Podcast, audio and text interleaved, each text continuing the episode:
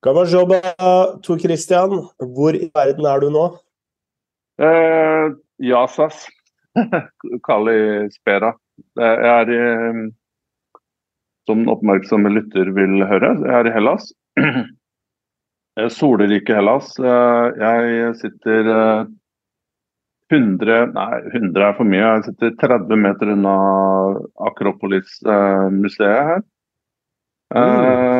Det har jeg vært faktisk en liten tur innom eh, i løpet av de siste dagene. Kikka litt på gresk eh, historie. Og ja, kosa, kosa meg litt med det. Som er kanskje litt sært for noen, men ja, jeg er nå her i Hellas. Flott vær, par 23 grader sol. Bare for å skryte litt av eh, det, for det, som jeg forstår Hvis jeg forstår tilbakemeldingene fra Oslo riktig, så er det ikke så fint på i den sørlige delen av Norge, er det det? Nei, men eh, altså, det er ikke så kaldt. Det bare regner litt og, og sånn. Eh, men du som er ute og reiser, vi er jo glad, glad i å snakke mer om fotball her i Sjivatse. Og hva drikker man eh, når man er og spiser gresk salat i Hellas? Uh, For de har vel ikke like god vin som uh, Georgia? Nja, det, det, det, De har jo ikke det. Um, I hvert fall ikke når vi snakker her på, på Chilatse. Vi har jo snakka mye om georgisk vin. Uh, jeg har ikke gått så dypt inn i vinkulturen her i i Hellas, egentlig. Bare at uh, ja, prøver jo litt, uh, litt forskjellig. Uh, men ja, så ble Jeg fikk for øvrig gave her for et par dager siden. Jeg har ikke smakt prøvd ennå, men fra et lite butikk butikk, butikk vin, vinegård på Peloponnesene. Peloponnesos, eller hva det heter. Ja, det er på den store halvøya som ligger litt vest for, um, for Aten. Uh, så det skal jeg i hvert fall prøve. Um, har du noe du har, liksom, du har, kanskje også litt erfaring med gresk vin? Jeg mener jeg har gitt deg en flaske eller to uh, opp igjennom? Ja, altså du har jo gitt meg en uh, gresk vin uh, som du finner på Polet. Nå husker jeg ikke navnet på den, uh, men den var meget bra. Ja, jeg husker ikke navnet heller, faktisk. Men uh, den uh, Ja, det, jeg husker at det var, var bra. Um, men vi skal jo komme litt tilbake til fotball, selvsagt. Men vi skal også komme litt tilbake til, til, gresk fotball, for jeg har noe å melde derfra. men jeg vet ikke om vi kanskje skal starte med enda viktigere ting, jeg, Frode. det kommer en dokumentar om noen dager.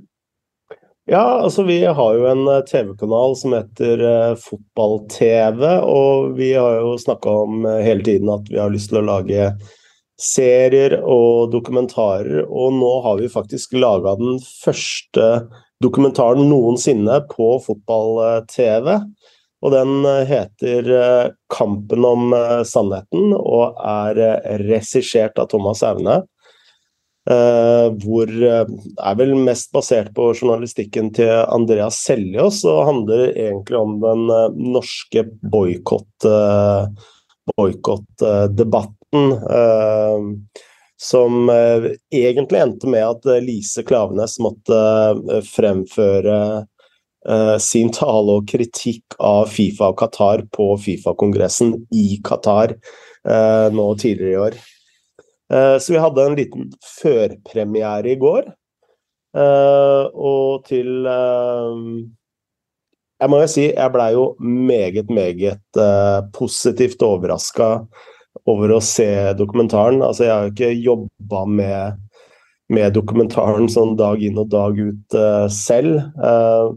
Men jeg må si jeg var utrolig imponert over Thomas Aune og Andreas Seljås. Eh, over ikke minst alle menneskene, rare menneskene de har eh, møtt.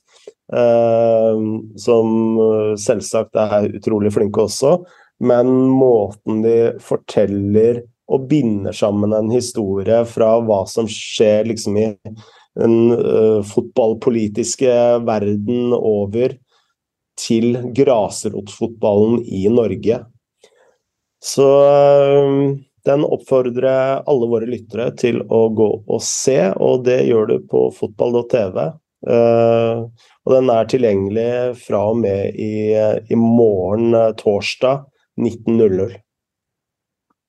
Hva, for oss som ikke har sett eh, dokumentaren, kan du Har du noen konkrete uh, si, smakebiter som, bortsett fra det du har nevnt, som, som kommer til å vekke oppmerksomhet? Ja, altså Det som var litt interessant, det var jo at uh, veldig mange som så dokumentaren, hadde ulike ting som de syntes var uh, var interessant, men det Altså, jeg var jo på dette berømmelige tinget hvor man skulle stemme for eller mot en boikott. Uh, og der blei jo jeg faktisk muta. Og, og, grunnen til at jeg blei muta, uh, var at uh, når Sven Mollekleiv skulle presentere rapporten, så, så gjerne at grunnen til at de har havna mot boikott, er at arbeidstakerorganisasjonene nede i Qatar har anbefalt å ikke boikotte. Og da steila jeg litt, fordi disse arbeidstakerorganisasjonene er jo faktisk finansiert av Qatar. Uh, ILO, som er en av disse organisasjonene, de mottar 230 millioner norske kroner over en treårsperiode uh, Eh, eh, for et veldig, veldig lite kontor nede i Doha. Eh, og alle har jo visst at dette har vært et slags promoverktøy for qatarske myndigheter. Men det vi klarte å avdekke, eller det Andreas og Thomas klarte å avdekke i dokumentaren, det var jo lekka WhatsApp-meldinger fra VM-komiteen som, når du leser meldingene, fremstår som at de beordrer disse, disse arbeidstakerorganisasjonene til å forsvare Qatar og si at alt er mye bedre, selv om de også skriver i de samme chatlogene at uh, ting har ikke blitt bedre. Så det var noe av det jeg syns var, var veldig interessant. Men man må se dokumentaren, og så finner man sikkert noe annet som andre syns er mer interessant. Har du for øvrig har du fått noen som helst slags unnskyldning for den måten du ble behandla på? Nå vet jeg at du er jo ganske sånn, du er jo ikke en bitter mann, sånn som jeg kjenner deg, Frode. og du forventer sikkert heller ikke noe, men har du fått noen som helst beklagelse fra noen på den behandlingen du fikk der? På tinget? Nei, men det, det hadde jeg Nei, det hadde jeg ikke forventa heller. Jeg, det, og jeg trenger det ikke heller, uh, på en måte. Uh, nei. nei. Men nei, var... når jeg så det klippet, følte jeg en slags oppreisning, da. Ja, det, det si. Ja, da så får jo um, så får jo mennesker trekke sine egne konklusjoner. Um, men det blir i hvert fall veldig spennende å, å se, se, den dokumentaren. um, ja. Uh, tenkte jeg skulle ta et par ord om en veldig uh, interessant opplevelse som jeg hadde på søndag. Um, jeg har jo vært i Hellas nå For oss som følger deg, så gleder vi oss veldig til det. ja, jeg måtte legge ut uh, par klipp der. Um, jeg har jo vært i Hellas nå i ja, et par uker, uh, tenker jeg. Litt rundt omkring og sett en del kamper. Um, besøkt uh, noen um, klubber også, og hatt noen møter her og der. Um, men det jeg også la merke til da jeg kom hit, var jo at det var uh, Derby i, i, den byen her, som heter Aten, som sagt. Og det um, Å bivåne derby, spesielt da mellom eh, gigantene her, eh, Panathinaikos og Olympiakos, det har jo stått veldig høyt oppe på min ønskeliste over, over fotballkamper eh, og live-opplevelser. Og lenge så så det ikke så lyst ut med tanke på billett. Um, for det er, denne kampen uh, gikk jo da på hjemmebanen til Panathinaikos, som er for så vidt ganske gammel stadion. Den skal forresten uh, gjennom en uh, renovasjon ombygges nå. når de Akkurat når de kommer i gang er jeg litt usikker på, men det skal i hvert fall stå klart, eh, tror jeg, om fem år eller noe sånt. Men eh, per nå så tar jo den stadion kun Beklager, 25 eh, ish, tror jeg. og det det unike nå, da, det er jo at Panathinaikos for første gang på mange, mange år ligger i toppen eh, av tabellen, og ikke bare eh, holdt på å si med, å si med, med margin, liten margin. De, de, de, før runden som var, så hadde de full uttelling etter ti kamper, så altså 30 poeng. Og Olympiakos lå da ti poeng bak med 20 poeng. og det utrolige er jo at ja, Nå husker jeg ikke helt når Panathinaikos vant det siste seriemesterskapet, men det var på midten på 2000-tallet kanskje. Og siden den gang så har Olympiakos vunnet alle titlene, ligatitlene, bortsett fra to, tror jeg. Jeg tror det er Paok og AEK har uh, en, en, hver i det rommet. Så det er jo klart at den eh, settingen her var jo ganske unik, for alle ville jo på den kampen her. Uh, og billettene ble revet vekk på, på ti minutter, eller altså så fort si så fort som det var mulig å, å, å bli kvitt. Og, og, det var jo build-up i Aten by i hele håper jeg, i hele perioden siden jeg kom hit. Men jeg klarte, gjennom uh, noen gode kontakter, uh, å skaffe meg billett til den kampen. Veldig privilegert. Så det var en utrolig opplevelse. Um, nå var jo ikke I de oppgjørene der er jo ikke bortesupportere tillatt. Så det var jo kun Panathinaikos, uh, i hvert fall uh, offisielt, så var det kun Panathinaikos-supportere. Mm. Og um, uh, jeg, jeg, kom jo sånn ca. 45 minutter før kickoff. Jeg tenkte nå skal jeg ikke ta noen sjanser. Jeg har vært på mange mange kamper sør i Europa. og På store derbyer også. og Da er det jo ofte sånn at um, uh, selv om du har uh, billett og det står uh, nummer og sete og rad på den, så er det ikke alltid at de som, de som allerede har satt seg i det setet, er villige til å gi det opp. Så jeg tenkte nå skal jeg i hvert fall ikke gå i den, uh, gå i den uh, fella der. Så jeg uh, stilte opp veldig tidlig. men da jeg tok metroen opp til Apostolos Nikolaide, som heter stadion, så begynte jeg å skjønne at jeg var sent ute. for det var jo ikke en fotballsupporter å se. Mm. alle var jo alle var på plass da jeg kom. Heldigvis så var setet mitt uh, ledig. Uh, eller det var faktisk ikke det, men uh, vedkommende som satt der, var var på si, oppmerksom på at noen andre at setet tilhørte noen andre, så jeg, fikk sitte der jeg skulle sitte. Men alt fra pyro og pivo, alt jeg på å si, og stemningen når laget kommer ut og varmer opp Eh, alle skulle jo være tidlig for å gi laget, spillerne, ekstra boost. Mm. Og selvsagt vel, velkomsten til Olympiakos da i tillegg. Så dette var jo en vanvittig opplevelse. Og kampen i seg selv var jo De hadde jo dansk dommer. Uh, og det skjer jo det skjer både Kypros og Tyrkia her noen ganger. Sånne på en måte veldig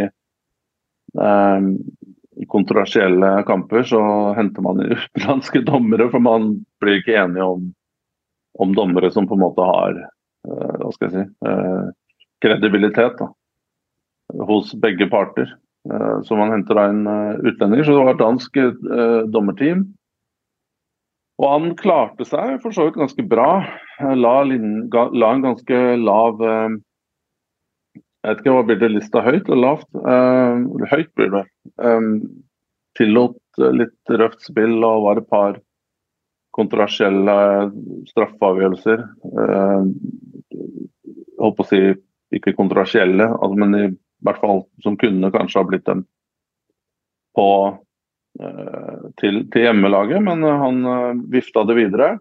Uh, par offside-mål faktisk også til Panathinaikos som ble, var uh, luka ut det. Og korrekte, selvsagt. Men uh, Olympiakos skårte jo da 85. minutt, var det vel. Den kampen så ut til på en måte å ebbe litt ut i 0-0, men så skårte de 85. minutt, og da tok det jo skikkelig av. Um, og da flagra det med, med, Temperaturen økte jo. Panathinaikos begynte å på en måte bli desperate. Og, um, og, og, ville ha denne utligningen, da. uh, og det kom, ja, det kom masse gule kort. Og. Så fikk de jo da Ja, sorry, Frode. det. spiller Sokratis eh, fortsatt for eh, Olympiakos, eller? Ja, han spilte. Stopper i den kampen. Sammen med en, en Jeg bare spiller. tenkte på det når du nevnte kort. Ja. ja, det han Han Han spilte, og han Han fikk også gult kort helt på slutten. så bare Så ja, du traff bra der. Uh, og men jeg bare nevne også at han spilte et stoppepar med en uh, Kanskje en spilleren som imponerte meg mest. Det er en uh, ung spiller som heter Jeg er litt usikker på hvordan det uttales, men Andreas er i hvert fall fornavnet. Undoy. Endoj. albansk opprinnelse, tror jeg. stopper, hadde kun spilt tre kamper. Eh, fra start, eh, eller i det hele tatt, tidligere. Og han spilte da stopper 19 år. Eh, og han var meget, meget god. Men tilbake til det som skjedde da på overtid der. Det hagla jo med gule kort. Og jeg tror det var 98. minutt. Så er det en ganske ufarlig situasjon. Det er inne i boksen, og spissen til Panathinaikos løper på en måte Det er en duell og har har Det er vel Sokrates, tror jeg faktisk, han har på seg. Eh, som eh, De løper på vei ut av 16-meteren, eh, ut mot sidelinja, og så får Og det er litt sånn handbags, armene litt sånn Det er, det er på en måte en ganske tett nærkamp mens de chaser ballen. Vekk fra mål, som jeg sier. Og da slenger jo Olympiakos-spilleren ut en albue som treffer, og den, den lander akkurat på, på streken, altså på, på, den, eh, på vei ut av, av boksen. 16 meter. og den, vår danske venn han tar jo en runde med, med VAR og kikker, og det tar ganske lang tid og faller på straffe. og, og, og, den skårer jo Aukos på utrolig viktig mål, da, selvsagt. For det her var jo det man kaller en sekspoengskamp. Um, mm. Så da blir jo forspranget nå fortsatt ti istedenfor sju ned til, uh, ned til Olympiakos. Men den situasjonen her har jo blitt diskutert nå. Den ruller jo og går fortsatt, den debatten, om det skulle vært straffe eller ikke. Uh, mm.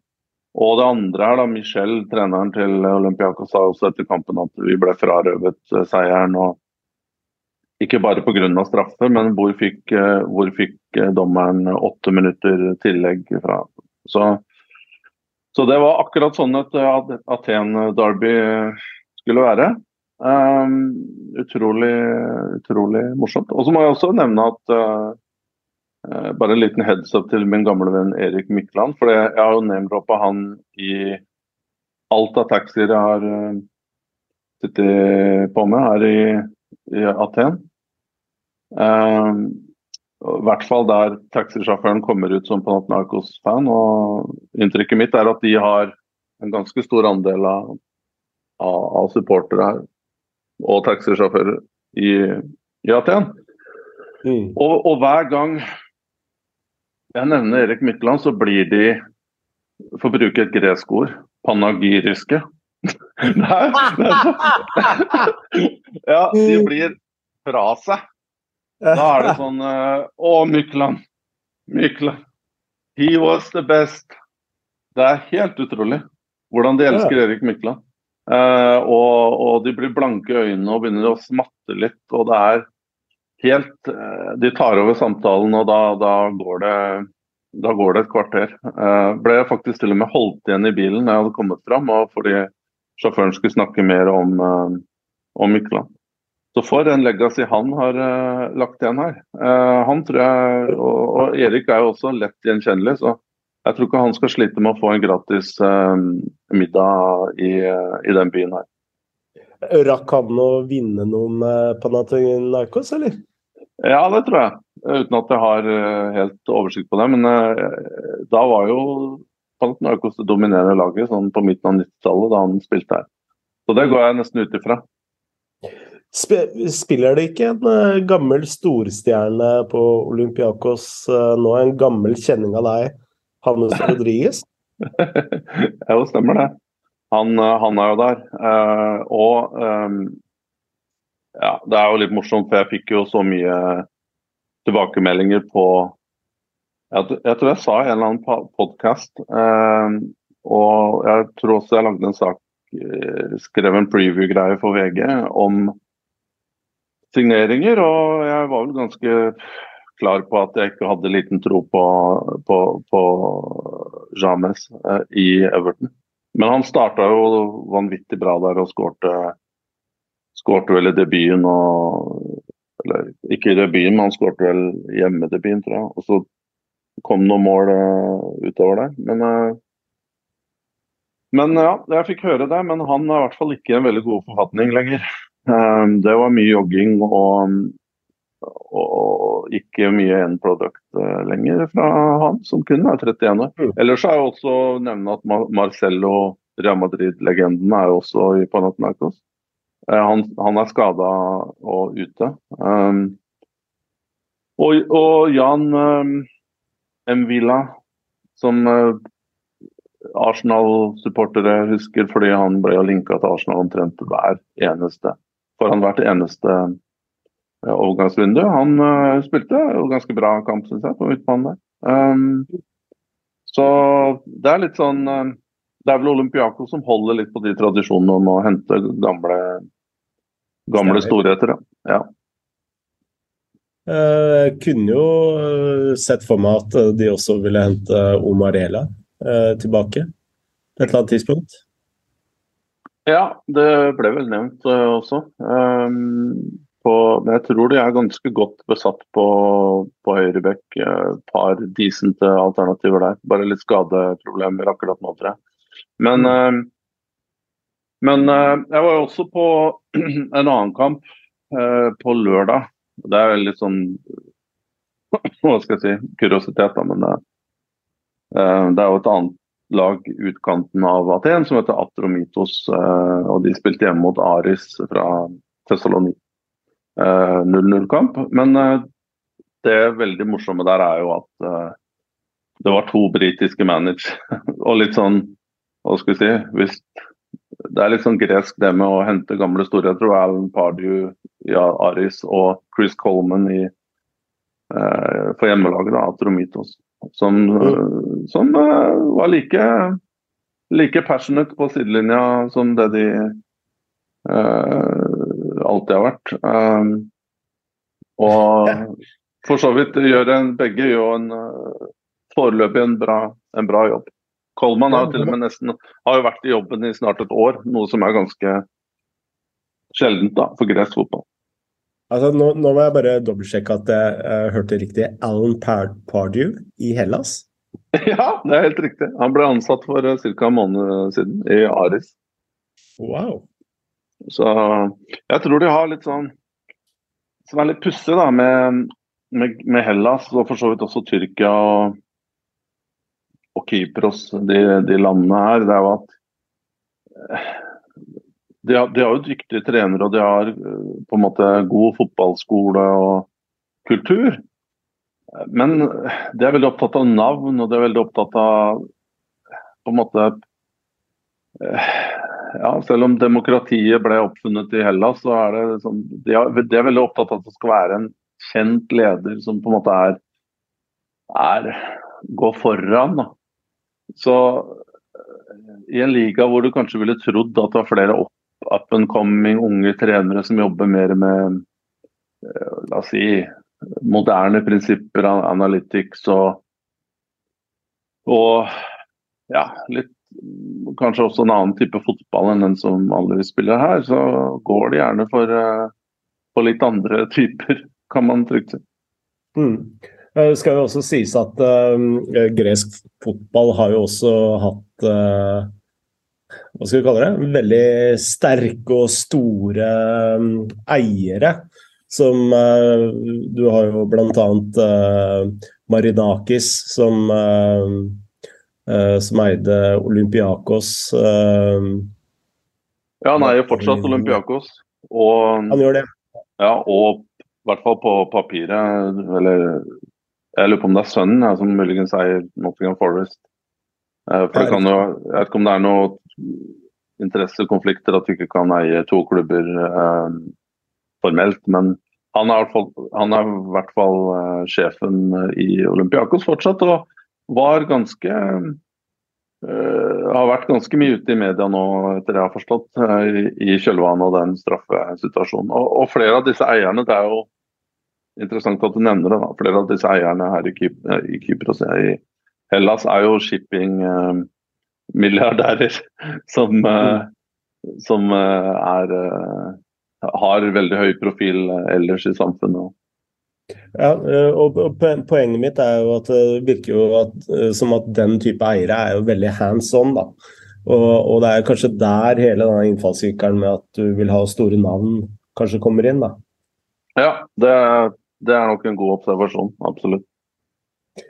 Eh, når vi er inne på eh, eiere, så den store nyheten denne uken er jo at eh, Fenway Sports Group nå har uh, um, altså De har jo ikke lagt ut Liverpool for salg, det, det er jo feil å si. Men de har i hvert fall åpna for enten en emisjon eller en overtagelse av Liverpool. Og Hva tenkte du første gang du hørte det, Tor Christian? Ja. Um, jeg er jo ikke for så vidt eh, så veldig uh, Kom jo ikke som et sjokk. Um, men uh, fordi man har vel kanskje sett på Chelsea og, uh, og, og prisen for Chelsea, som var, endte vel opp på sånn ca var det 2,5 milliarder dollar ish. Um, noe sånt. Pluss mm. noen lovnader om videre investeringer på, på, på 1,5 eller 1,67. Uh, men overtagelsen var vel rundt 2,5. Mm. Og da ser man jo altså Liverpool uh, Fenway Sports Group betalte jo 300 millioner noe, noe, sånt. Om det er dollar eller pund, husker jeg ikke helt. Men det Så disse uh, investorene, de er jo, det er jo sånn de driver butikk. altså de, de kjøper jo uh, Hva skal vi si? Liverpool var jo i dårlig forfatning. og en, en på en måte Ikke sleeping giant, det er jo de hadde jo en god periode på 2000-tallet og har jo alltid vært med i toppen. Uh, men akkurat den perioden da de kom inn med, med disse eierne fra Texas der og Hodgson var vel trener det, det, var jo på en måte et bunnpunkt eh, for Liverpool.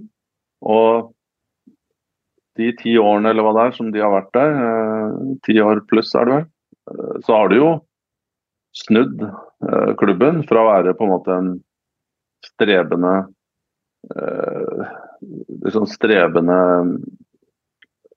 klubb med mye press og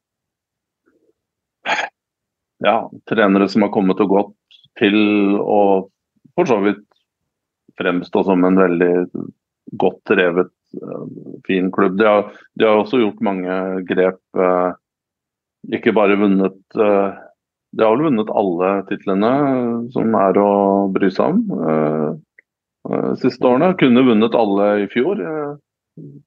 alle samtlige glapp jo helt på slutten. Og så Det er jo klart, de Og de har jo renovert deler av Anfield og, og, og, mer skal jo gjøres der òg, i tillegg. De, etterlater, de, etterlater seg jo, hvis de selger, så etterlater de seg en, en eh, klubb i meget god forfatning. Det eneste som er kanskje litt sånn eh, Litt overraskende her, da, kanskje at er timingen. Eh, ja, eh, akkurat nå så ligger Liverpool eh, godt stykke ned på tabellen. Eh, OK, ikke så, kanskje langt uh, ned, uh, ligger på åttendeplass, men det er, det er jo sju poeng opp til, til, Tottenham på fjerde. Så de skal jobbe ganske hardt for å, for å få en Champions League-plass til slutt. Da. da. Manchester United, som er litt på vei opp igjen, ligger jo foran der, og, og Chelsea ligger foran også, som har akkurat samme målsetning. Og så har man Newcastle også, som bruker Eh, store midler nå og er, eh, har vind i seilene. Men der ligger vel også, Frode, kanskje noe av, av uh, tenkningen nå at de Kanskje FSG og sånn som måten de har operert på i overgangsmarkedet de har, de har vært dyktige, men de har jo ikke hatt de budsjettene som disse andre klubbene som eh, jeg har nevnt, bortsett fra Tottenham. Eh, eh, men det å da kunne henge med i toppen der og sikre seg Champions League hvert eneste år, det koster jo mer og mer. Og det tror jeg, tror jeg ikke er et race som de ønsker å, å være med på. Noe annet er den superligaen som ikke ser ut til å bli noe av, i hvert fall ikke på, med det første. Eh, så de tenker kanskje at de ønsker å cashe ut en, en, stor, eh, en, stor, gevinst. Jeg, tror jeg er inne på noe veldig sentralt. Altså, hvis du går tilbake til 2007, så um, så hadde de vel et tilbud fra Dubai på nærmere 360 millioner dollar for, eh, for klubben. Og, og alle, så sent som i fjor så hadde de et, eh, et bud eh, fra, fra et eller annet sted i Midtøsten, tror jeg. Et bud på tre milliarder pund som de, de avslo. Og det er jo et par ting da, som de har sagt litt sånn mellom linjene. Hvis du leser litt eldre intervjuer også med Fenway, eh, eller uttalelser fra Fenway Sports Group. Og ene er jo denne frikjennelsen av eh, Manchester City og eh, Financial Fair Play. Og så er du, er du inne på dette med å skal kunne uh, hamle opp på overgangsmarkedet med aktører som da Manchester City, PSG og nå etter hvert eh, Newcastle. Eh, hvor det viser seg at eh, de spiller Altså, de har, de har, ikke, de økonomiske musklene som de har. Og Uefa og, og Premier League klarer ikke å stagge dette her, da. så de sier jo nå i denne salgspitchen sin at de vil ha rundt 5 milliarder US dollar for, for eh, klubben. Og da er det vel litt sånn, hvis du ikke klarer å henge med i dette, dette racet, da, så er det vel så nært å selge på topp som man kan. Og hvis du også legger til da at Superleague, som kunne vært en måte for dem til å, å skaffe disse ekstra inntektene jeg, mener jo at dette vil jo bli et nullsumspill. Fordi Manchester City vil jo også få disse økte, økte inntektene. Så det vil jo ikke være et legitimt argument, tenker jeg, da. Men uh, jeg tenker at Hvis jeg skal spekulere litt, da, så tenker jeg at uh, dette er så langt de klarer å dra det. Uh, og hvis de skal selge på topp, så må det bli nå. Fordi om to, tre, fire år så vil avstanden opp til de aller, aller største bli, eh, bli for stor. Og da vil jo verdien på, på klubben gå jo ned. eh, naturlig nok. Ja, uh, jeg er enig i det. Samtidig så så er det jo uh, Det blir veldig spennende å se her og på si tidshorisonten først. da. Det er jo klart, på, så, så, på en så stor klubb så er det jo veldig begrenset med kjøpere. Og vi, vi, har jo fulgt med så lenge og snakka mye om det her, Frode. at eh, som Det har gått på en måte i perioder hvor, eh, hvor det på en måte Kortversjon, da. At man starta med sånne lokale forretningseiere. Uh, forretningsmenn og -kvinner som eide klubbene. Og så ble det på en måte et internasjonalt marked. Media, moguler osv. kom inn. Eh, og så var jo for så vidt Abramovic sin inntreden i, i, Chelsea en, en uh, game changer, hvor private penger da, fra, uh, fra utlandet kom inn. Altså i en, i en størrelse vi aldri hadde sett tidligere, selv om det hadde vært noen lignende Eh, lignende eh, eksempler med Tans i, i Parma og, og Craniotti, Parmalat begge eh, i Italia. Som bankrolla store, store kjøp og, og, og stjernegallerier. Og så, og så kommer jo nasjonalstatene inn med og, og private equity, da. Uh, fra USA spesielt. Og da mm. snakker man jo om økonomiske, eh, økonomiske ressurser. Altså, vi hadde også en bølge med kinesiske private investorer som, som, kom inn og kjøpte klubber, spesielt i England og litt Italia og til og med Spania. Eh, men, men Kina er jo borte, Russland er borte. Eh, og nå for å henge med, som du sier, så er det jo kun, kun nasjonalstater og Eh, og eventuelt da store oppkjøpsgrupper fra USA, da private mm. equity, som, som, har store nok muskler til å være med på den, eh, på den kampen her. Så da blir det jo spennende å se. Som jeg sier, tidshorisonten her er interessant. Det kommer nok til å ta tid. Uh, hvis i det hele tatt de klarer å å, få solgt til nærheten av den prisen de, de ønsker. Um, men, men, vi så jo fra Chelsea Chelsea-salget at der var det jo et ganske stort stor interesse. Det var tre, fire, fem ganske kredible uh, interessenter som prøvde seg.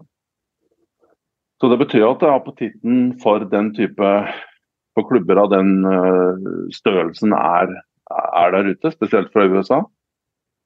Um, og jeg tror vel nasjonalstater er vel utenkelig for Liverpool, fordi OK, det burde vært også vært utenkelig for Manchester City og, og, og Newcastle. Det er jo også på en måte arbeiderklassebyer.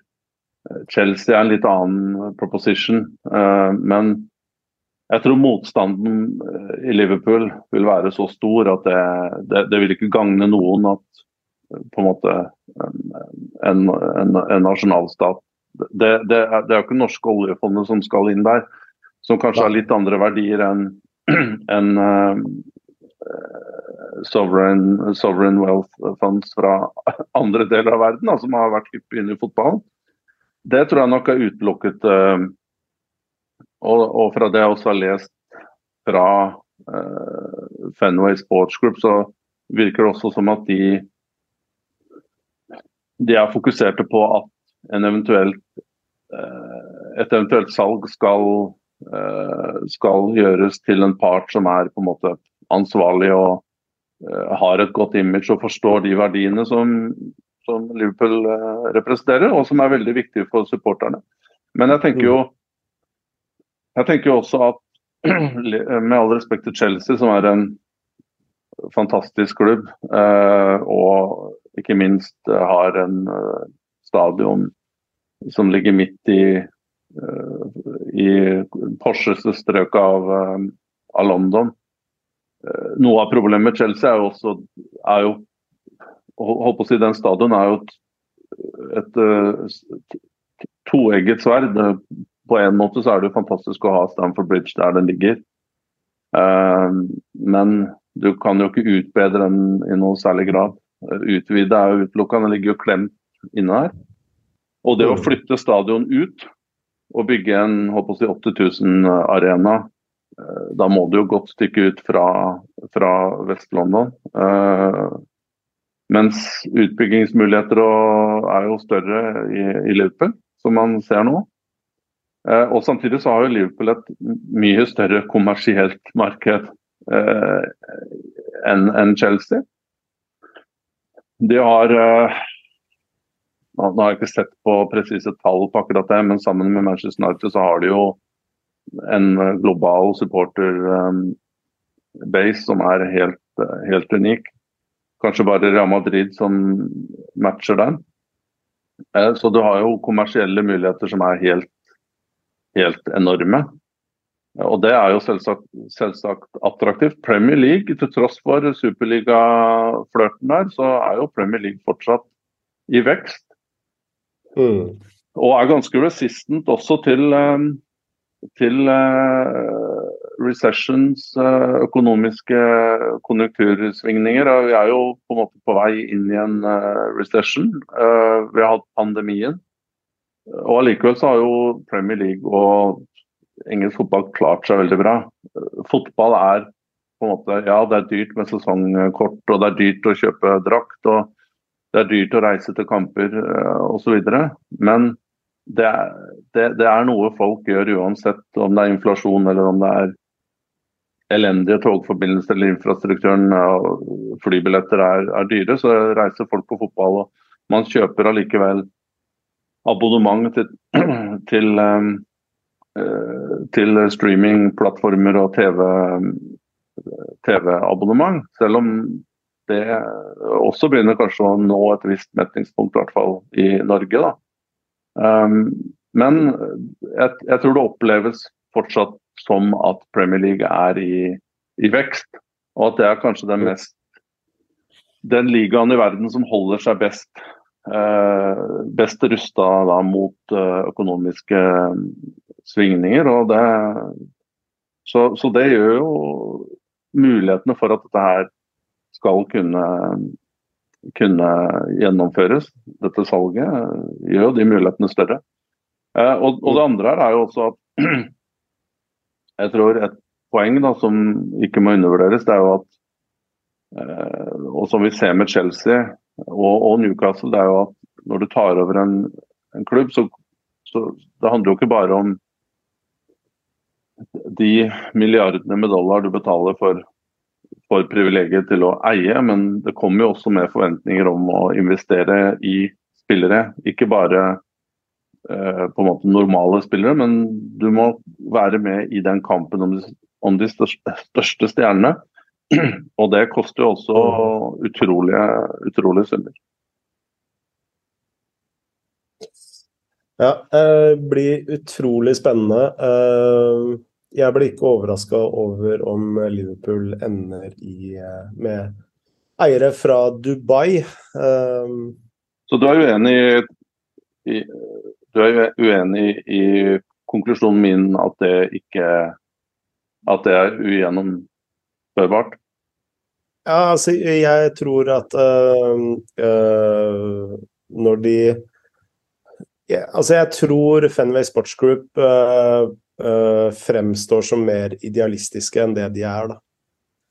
Og det, jeg tenker hele den der Super, Super League Gate viste litt av det. Og Dubai har jo liksom vært på denne Liverpool-casen opptil flere ganger over flere år. Så Ja, kanskje jeg sikker, men... Nei, kanskje jeg er litt naiv her, da. Og jeg er jo enig med deg at når, når alt kommer til alt, så handler jo mye om Det meste handler jo om penger. Eh, og det er jo ikke idealister noen av de som eier uh, fotballklubber i Premier League. Uh, bortsett fra kanskje Brentford eller Brighton. Da.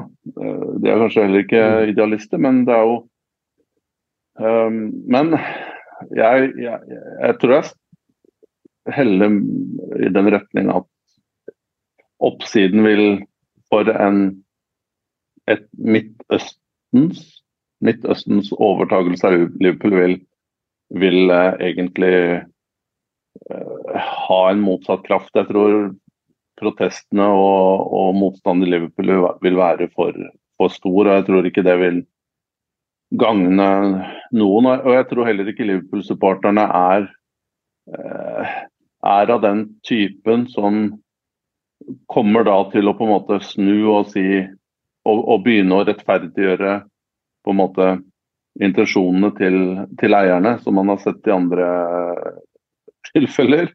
Eh, de er Og jeg er jo for n-te gang, da, så repeterer jeg det, det blir jo sånn meme, dette er snart på Twitter, at jeg har bodd i England i mange år.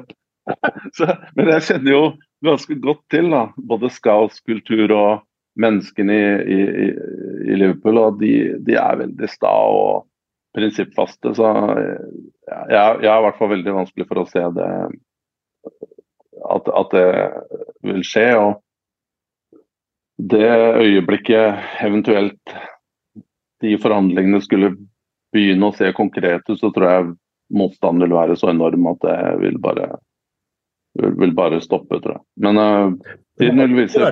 Det har jo ikke vært så veldig mye motstand i, i Newcastle sånn egentlig. Det har jo gått veldig knirkefritt, uh, tenker ja. jeg, da, sett fra Saudi. Men uh, tenker du at det er en stor sånn uh, Altså, du har jo bodd i England, det har ikke jeg. Men er det en sånn stor kulturell forskjell på Newcastle og, og Liverpool, tenker du?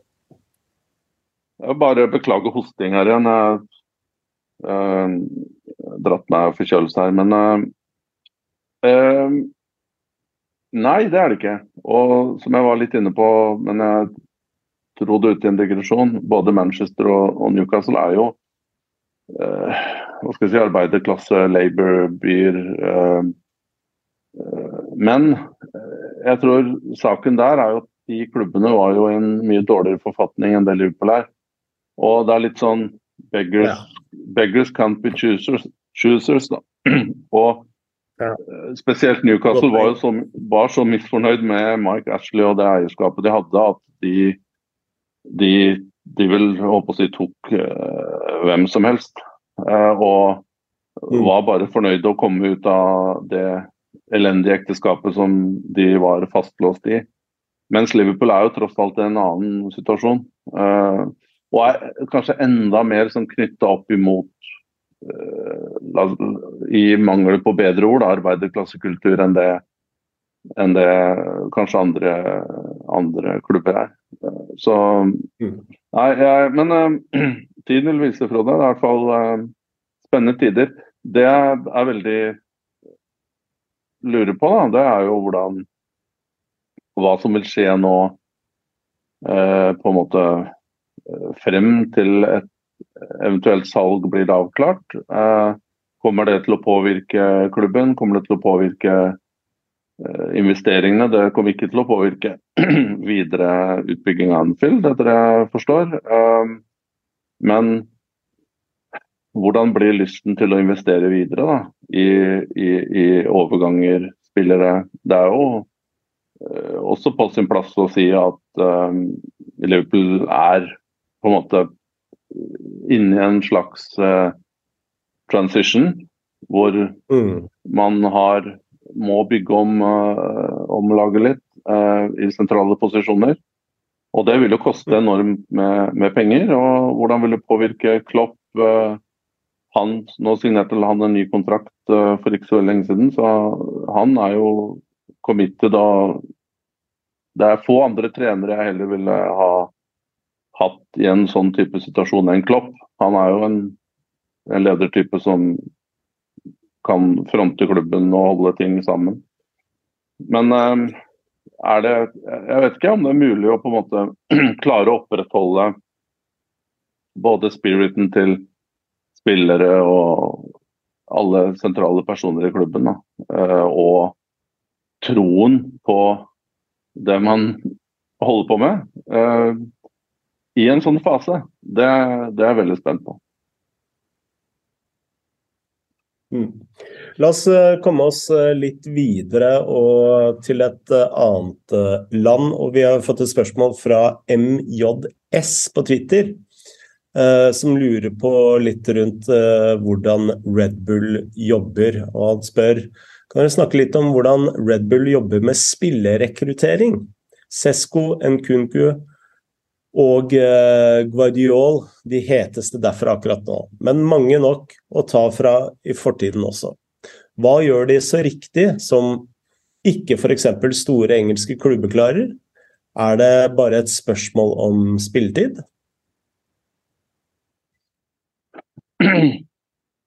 Det er nok uh, langt mer komplisert enn det.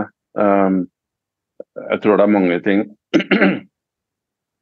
Først og fremst så tror jeg det handler om eh, den unike måten de har strukturert operasjonen på. At eh, de har kunnet starte litt, litt SimCity, da. Eh, heter det SimCity fortsatt. Jeg er jo fortsatt på 90-tallet ja, når det gjelder gaming. Uh, men de har, de har de på en måte fikk, fikk et blankt, uh, blankt canvas, som det heter på engelsk, og kunne bygge operasjonen fra mer eller mindre scratch, selv om for så vidt Salzburg var en OK eh, østerriksk fotballklubb som hang med i toppen, eh, mener jeg å huske, før eh, RB kom inn. Men, øst, men det å kunne bygge i ro, eh, starte I hvert fall utforme en struktur og en filosofi uten noe særlig press. La på en måte La veien være litt målet her, da.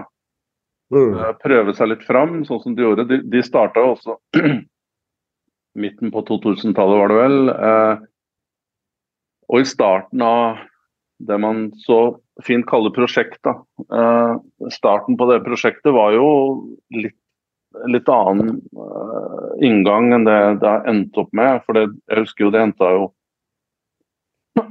kjente spillere fra fra Tyskland, spesielt fra Bayern, hvis jeg ikke tar feil. Og jeg mener låta Matheus var inne der som trener. Og, og det var litt sånn en vogue å komme til uh, Salzburg på kamper, og det var mange celebriteter fra, spesielt fra Bayern-området, provinsen eller delstaten, som, som, reiste dit for å bli sett.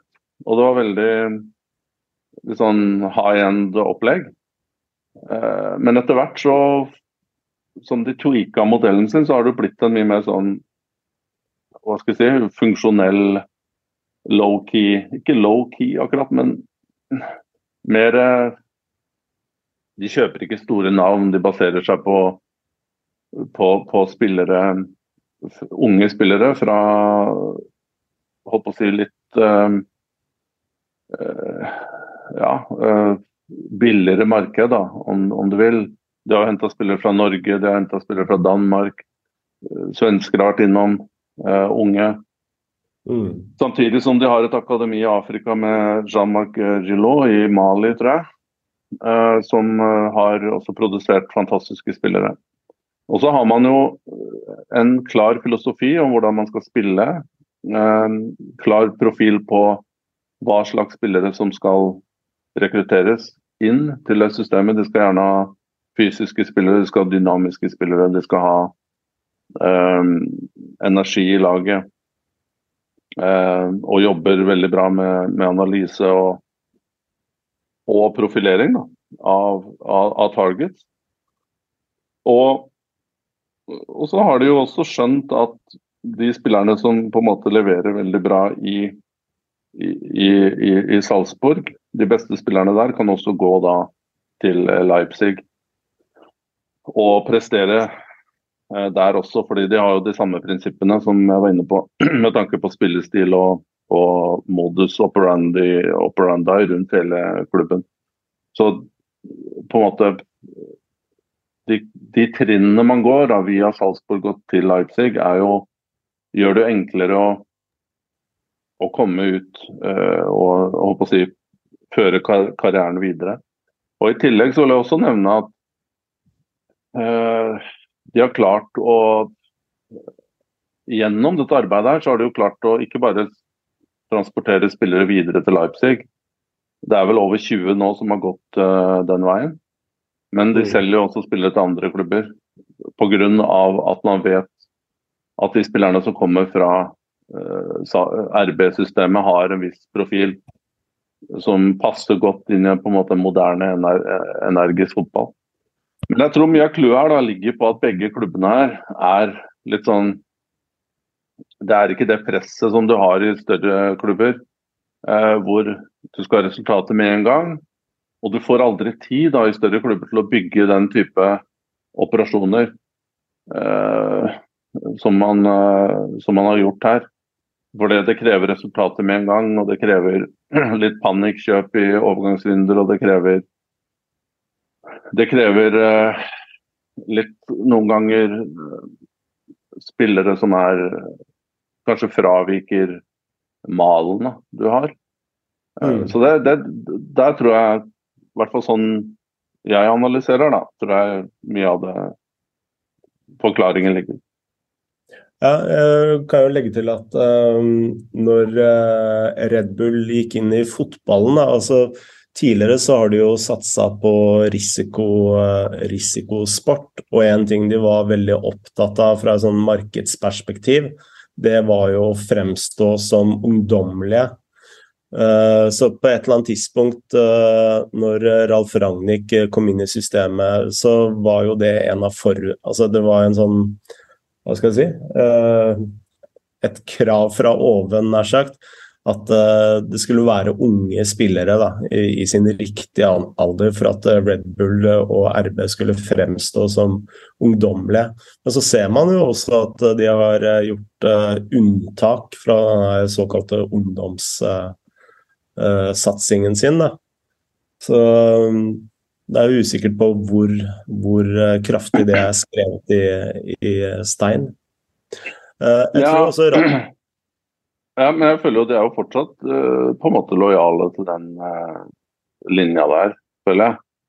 Uh, ja, men det, det, et annet poeng her er jo at masterminden, i hvert fall holdt på å si bakmannen til Red Bull-systemet, han eide vel i hvert fall en, et veldig stort jafs av um, av energidrikkekonsernet. Dietrich Matesic han gikk jo bort uh, for et par uker siden.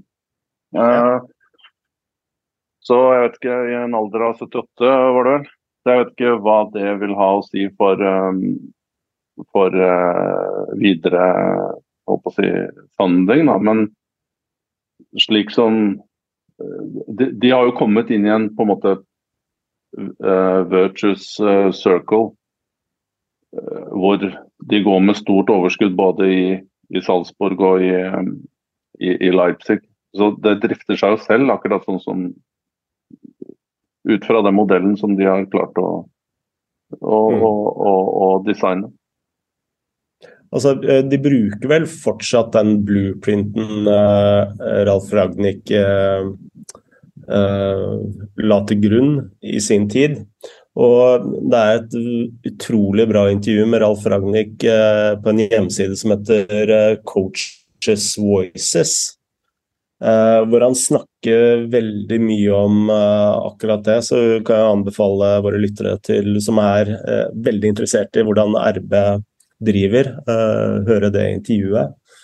og Der setter han opp tre-fire punkter da, som er veldig viktig for RB og, og Ragnhild når de rekrutterer eh, spillere. Uh, en ting jeg beit meg veldig merke til, det var at han uh, ville bare ha spillere som var coach, coachable, som han kalte det. Altså, tre, altså, spillere som han så tok til seg informasjon og tok til seg læring. Da. Og han trakk fram Paulsen som et sånt eksempel. Da som eh, ikke var en rask, og han skåra egentlig ganske dårlig på, på veldig mange parametere, men uh, ifølge Ragnhild da, så skåra han veldig, veldig høyt på det han kalte coachability. Uh, så kanskje derfor Paulsen da endte opp i RB og ikke, ikke et annet sted. Men, og det ser man jo Det er jo ikke noe unikt det for RB. Eh, det handler jo litt om eh, hvordan du eh, strukturerer scoutinga di, og, og, hva du ser etter. Og du har jo faktisk satt opp sånne scoutingplaner, Tor Christian. Både i Frankrike og, og, Tyskland, og sikkert i Norge også. Så jeg kan spørre deg, da. Eh, hva er det du Eller har det vært noen forskjell fra å jobbe i Frankrike for eksempel, og Tyskland og England og, og, og Norge etter hva man har sett f.eks. når man henter spillere? Ja, jeg vil bare starte med å komme litt tilbake til det jeg var inne på tidligere. at Det er enkelt for enkelt, da, anførselstegn. Og Ralf Ragnhild er jo en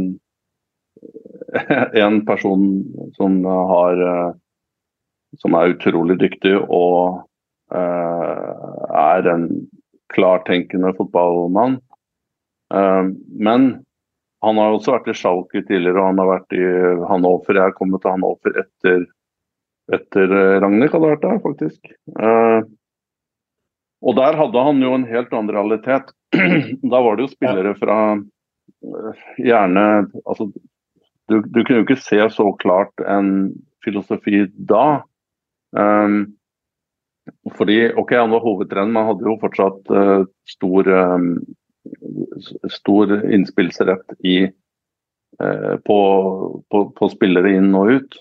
Uh, men for de fleste av oss, vi kommer jo aldri til et på en måte rent Eh, rent eh, ark, som man gjorde i, Leipzig, hvor du på en måte kan legge et sånt dokument til bunnen. At vi skal jobbe på den måten her, og vi skal ha den type spillere og jobbe etter disse eh, prinsippene. Man blir eh, Man blir jo I de fleste klubber så blir man innhentet av realiteten, og de realitetene er at eh, det kreves eh, kjappe resultater. Noen ganger er man uh, Har man objektiver som gjør at du må agere på en annen måte. Du må nedrykk, dessverre. Du har mm. stort press om å, om å forsterke. Du har en Dette er et annet poeng. Du har en atmosfære som gjør at du må hente spillere som takler den, eh, de utfordringene ved å komme til, til den klubben. Uh, F.eks. Eh, la oss si Jeg var jo i Israel, i Makabi Haifa, og det, der må du prioritere eldre spillere. For det er utrolig vanskelig, i hvert fall hvis du ikke har allerede en nucleus med rutine som kan på en måte dra det tyngste lasset. Så det å hente inn da eksklusivt unge spillere som trenger tid og, eh, og, og coaching, det nytter jo ikke. For de vil jo ikke utvikle seg i et så høyt, høyt uh, stressende miljø. så du, du, blir fort uh, situasjonsbetinget. Da, og, og, det andre er jo også at du, du, du må la trenere også ha et, um, ha et uh, ord med i laget. Hvis ikke så risikerer du å hente spillere som ikke vil bli brukt. Uh, mm. Eller passer inn i, i, systemet til treneren. Så er det jo enkelt å si at ja, man må hente en trener som korresponderer med den filosofien du har. Selvsagt. Det det forstår jeg. Men noen ganger så trenger du også trenere som har en side ved seg som gjør at det er vanskelig å eh, Hva skal jeg si? Eh, vanskelig å innkooperere den treneren fullt i filosofien din. Fordi du skal oppnå noe på veldig kort sikt. Så det blir jo liksom Teorien er enkel. Og teorien har man klart å implementere i RB fordi man har, klart, man har startet da fra scratch. Så jeg er litt tilbake til starten her, da.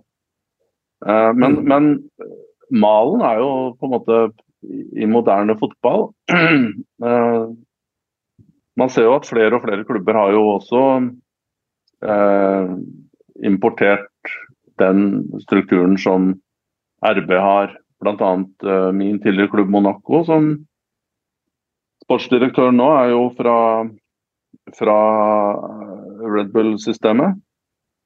Eh, man ser også at eh, Leeds f.eks. henter jo både trenere og, eh, og spillere fra, fra RB. Og, og, og, jobber litt etter de samme prinsippene. Flere tyske klubber har, henter også trenere fra, som har vært i RB-systemet, bl.a. Ja, vi vet jo bl.a. Um, han godeste med skjegget som var nå nylig i Dortmund. Uh, han Nå husker jeg ikke navnet i forbifarten, men Bochum uh, Ja, hva het han? Marco Et eller annet burde jeg huske, men det er så innsausa i gresk og gresk setting her nå at navnet gikk, gikk meg forbi. Rose? Ja, korrekt. bravo. Eh, og, og, og Bochum ansatte en ny trener nå, eh, som eh, Thomas Letch et eller annet, som kom fra, også fra bakgrunn i, i, Red Bull, og det er mange eksempler på det. Så det er i hvert fall en mal da, som flere synes å, å, å forsøke å kopiere. Litt, litt vært inne på det tidligere, litt overraska kanskje over at man ikke har tenkt litt mer i de baner også i Norge, selv om flere av de utfordringene som jeg har nevnt her, da, også gjelder i Norge, selv om si, realiteten i Norge er, er, eh, på et annet sted. Men selv om f.eks. Uh, ja, i, i, i, større klubber så, så, opplever man jo allikevel det samme presset. Uh, og ønskene fra, fra omverdenen om gode resultater med en gang. Mm. La oss uh, komme litt uh, videre. og Vi har jo fått et spørsmål med tanke på spillerrekruttering fra Vebjørn Fredheim. og Han lurer på dere må selge én av disse økonomiske årsaker. Hvem ville dere ha solgt? Foden, Bellingham eller Musiala? Her får du hoppe i det først, Frode. Jeg tror jeg ville ha solgt uh, Foden, uh, først og fremst fordi han er eldst. Og kanskje tatt ut uh, mest av potensialet sitt. Og så ville jeg beholdt Bellingham og Musiala, for begge de er vel 19 år. Og Foden er vel 22-23 ish. Ja, det stemmer. Jeg tror Foden er 0-0 og de to andre er 0-3. Ja, det er jo godt godt argument, det. Um, luksusproblem av dimensjoner, da. Mm. Uh, men um, jeg er vanskelig for å velge her.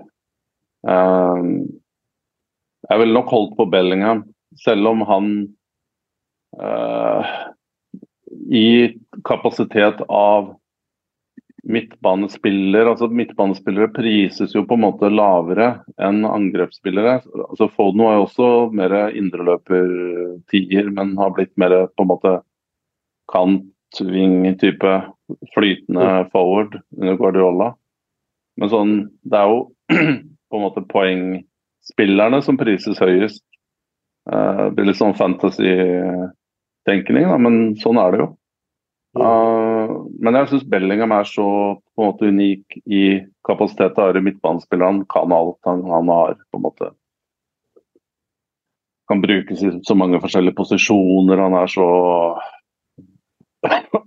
utrolig begavet da, til å være så ung. Uh, og, og, det finnes veldig få av de spillerne uh, i omløp. Alle ser etter Alle storklubbene ser jo etter en enten en åtter, boks til boks midtbanespiller med fysikk, godt driv med ballen, som kan som kan spille gjennom press og, og, og ja, altså og, og, han kan jo også være sekser og tier i tillegg. ikke sant? Han er jo utrolig allround-spiller. Men, men ja, ja, jeg lar deg Du får eh, stå for den, Frode. Jeg er vanskelig for å ta en avgjørelse her. Jeg må jo si at jeg blir bare mer og mer glad i Musiala også. Han eh, er en uh, Han er skikkelig elegant spiller å, å se på. Så han syns jeg er utrolig gøy å, å se på. Ja, helt enig. Eh, jeg har, jeg har ikke noen innvendinger mot det. Eh, og han kan jo også spille tre ulike landslag, eller kunne. Nå har han jo valgt uh, Tyskland. Man kunne vel representert både Nigeria, England og uh, Tyskland. Og har vi ungdomslandslagskamper uh, for både England og Tyskland?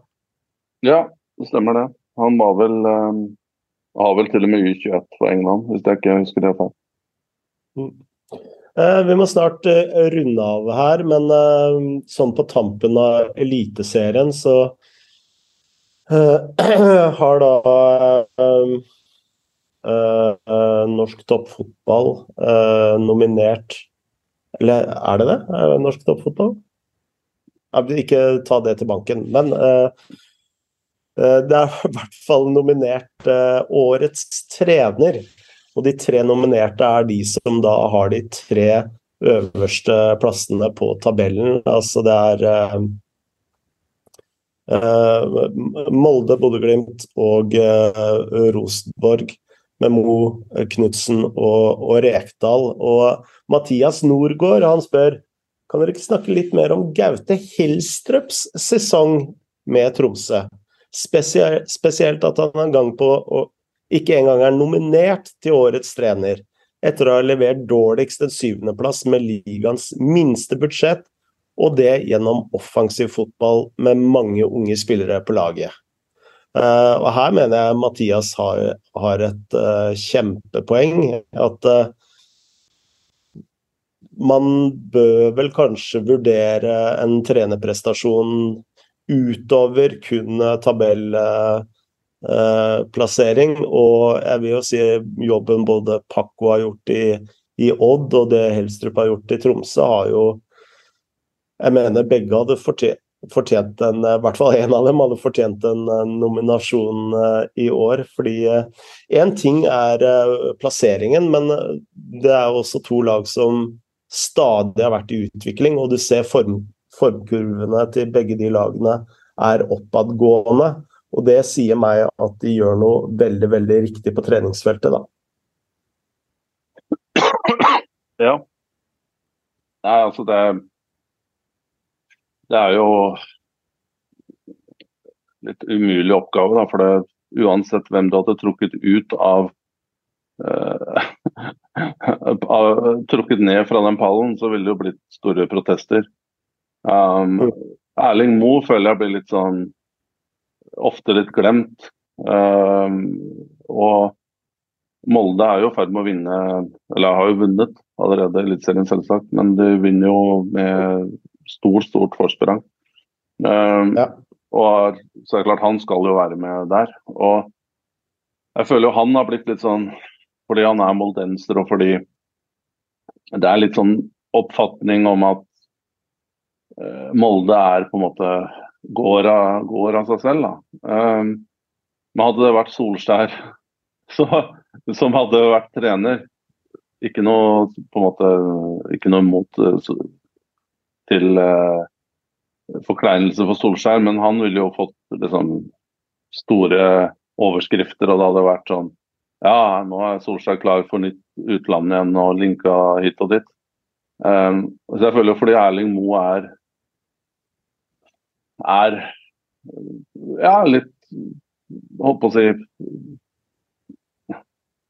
Han er så knytta til Molde og er kanskje ikke så fryktelig vokal i mediene, er ikke så bajas. Uh, ja, så blir han litt sånn sett litt forbi på. Uh, og Kjetil Knutsen er jo klart Bodø-Glimt igjen har jo, var jo fryktelig nær å komme til Champions League. Har gjort, slått bra fra seg igjen i, i Europa. Uh, solgt spillere. For så vidt klart å, å, å gjennomføre en slags mini-transition med stor turnover på spillere. Har likevel holdt seg høyt oppe og ender, ender, på det man i Norge kaller medaljeplass da igjen. Mm. Vanskelig å ta han vekk. Og og, og Rekdal og Rosenborg som OK. Eh, Rosenborg skal jo være der oppe. Eh, har det største budsjettet og er eh, gigant i norsk fotball. Og en tredjeplass Nå kan det være at de, de tar den eh, andreplassen der, men det er klart tredjeplass skal jo ikke per se være uh, tilstrekkelig for Rosenborg. I hvert fall ikke noe de skal juble over.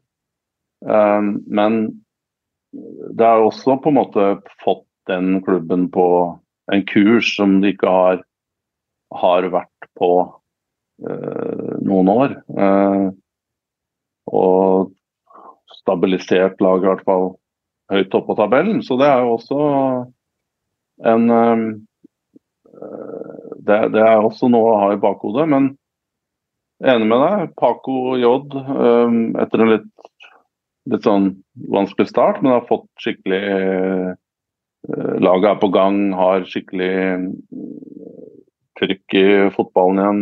Eh, Skårer mål og er, er på vei oppover. Folk har jo kritisert Odd for å være litt sånn identitetsløs, kjedelig klubb, men nå er jo det skikkelig sving og vind i seilene der argumentene dine for Tromsø støtter jeg 100 Men jeg vil også bare trekke fram HamKam med Jakob Mikkelsen, som holder plassen, ja. Um, og det er med ganske stor margin ned til kvalik. Det er også en bragd å, å nevne Horneland da, i, i Brann. Som uh, har hatt en helt eventyrlig sesong. Uh, Absolutt ett tap uh, på tampen der, men det er klart det er liksom Det er uh, lov etter uh, den på en måte midt i opprykks opprykksfeiring. så har du lov til å gå på en, gå på en liten smell borte mot Mjøndalen, hvis jeg ikke husker feil. Og, og så har de henta de det inn igjen og har vunnet overbevisende både før og etterpå. Så Det er også et navn mm. som kunne vært dratt ut. Hvorfor ikke lage eh, liste med fem, da?